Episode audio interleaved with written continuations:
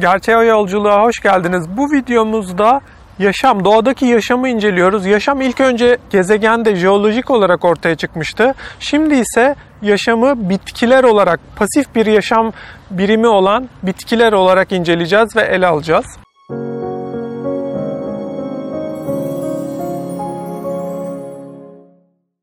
Dediğimiz gibi öncelikle jeolojik yaşamı ele almıştık. Jeolojide yaşamın özellikleri soyut olarak ortaya çıkmıştı. Bir kristal yapı olarak, bir mineral olarak ya da yumuşakçalar gibi mineralle organik arasındaki birimler olarak yaşam ortaya çıkmıştı.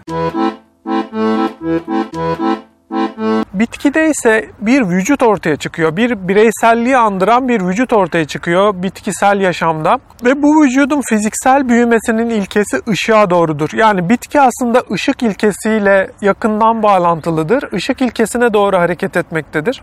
Ve Schelling'in dediği gibi eğer bitkilerde bilinç olsaydı Tanrı olarak ışığa taparlardı. Işık onlar için her şeydir. Yaşamı veren ana ilke ışıktır.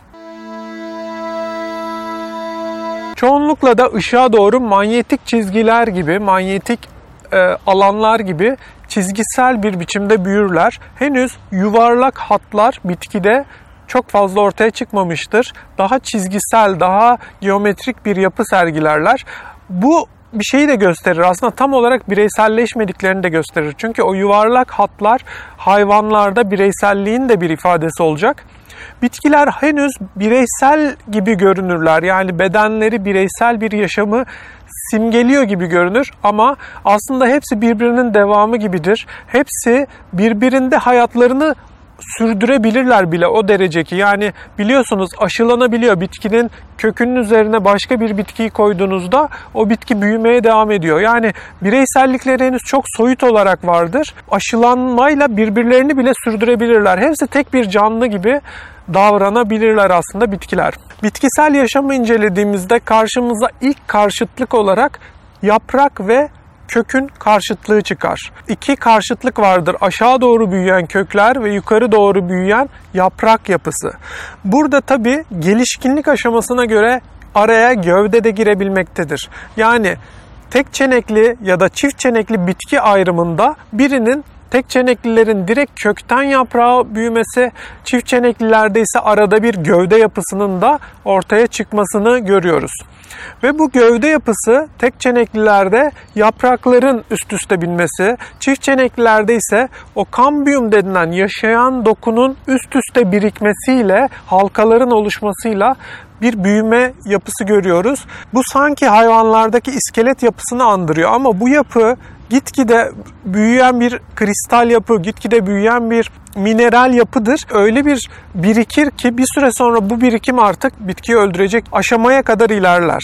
Bitki ışık ilkesiyle çok ilişkiliydi dedik. Yine doğada hatırlarsınız renkleri, kimyasal özellikleri incelemiştik.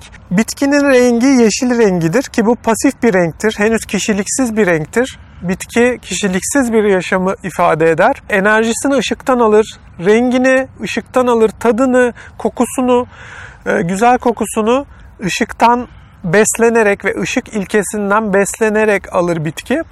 O ışığın rengi yani ışığın sarısıyla e, suyun mavisi o yine pasif bir element olan suyun mavisinin birleşiminden yeşil renk karşımıza çıkar. Yuvarlak hatlar ve kırmızı renk kişiliğin ifadesiydi dediğimiz gibi bunlar hayvan videosunda karşımıza çıkacak. Hayvanlığı incelerken bunlardan bahsediyor olacağız.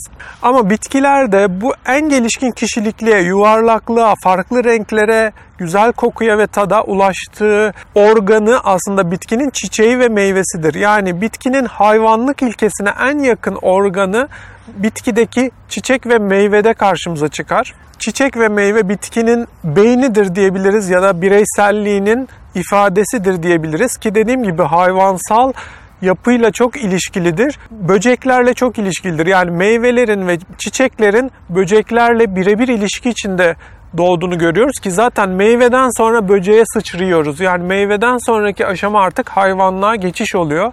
Bitkinin hayvanlıkla en yakın ilişkili olduğu ve böcekleri yarattığı aşaması aslında meyvede ve çiçekte karşımıza çıkıyor. Bitki ışık ve su elementlerini temsil ederken dediğimiz gibi hayvanlarda artık ateş ilkesinin, ateş elementinin temsilini bulacağız. Bunu bir sonraki hayvan videosunda ele alacağız. O zamana kadar lütfen aşağıda felsefe ansiklopedisinde canlılar arasında bitki nerede duruyor ve bitki kavramı diğer kavramlarla, diğer doğa kavramlarıyla nasıl ilişkileniyor? Bunu inceleyebilirsiniz. Bu videoyu beğendiyseniz sosyal medyanızda paylaşarak çabalarıma destek olabilirsiniz. Bir sonraki videoda hayvan videosunda görüşmek üzere. Şimdilik hoşçakalın.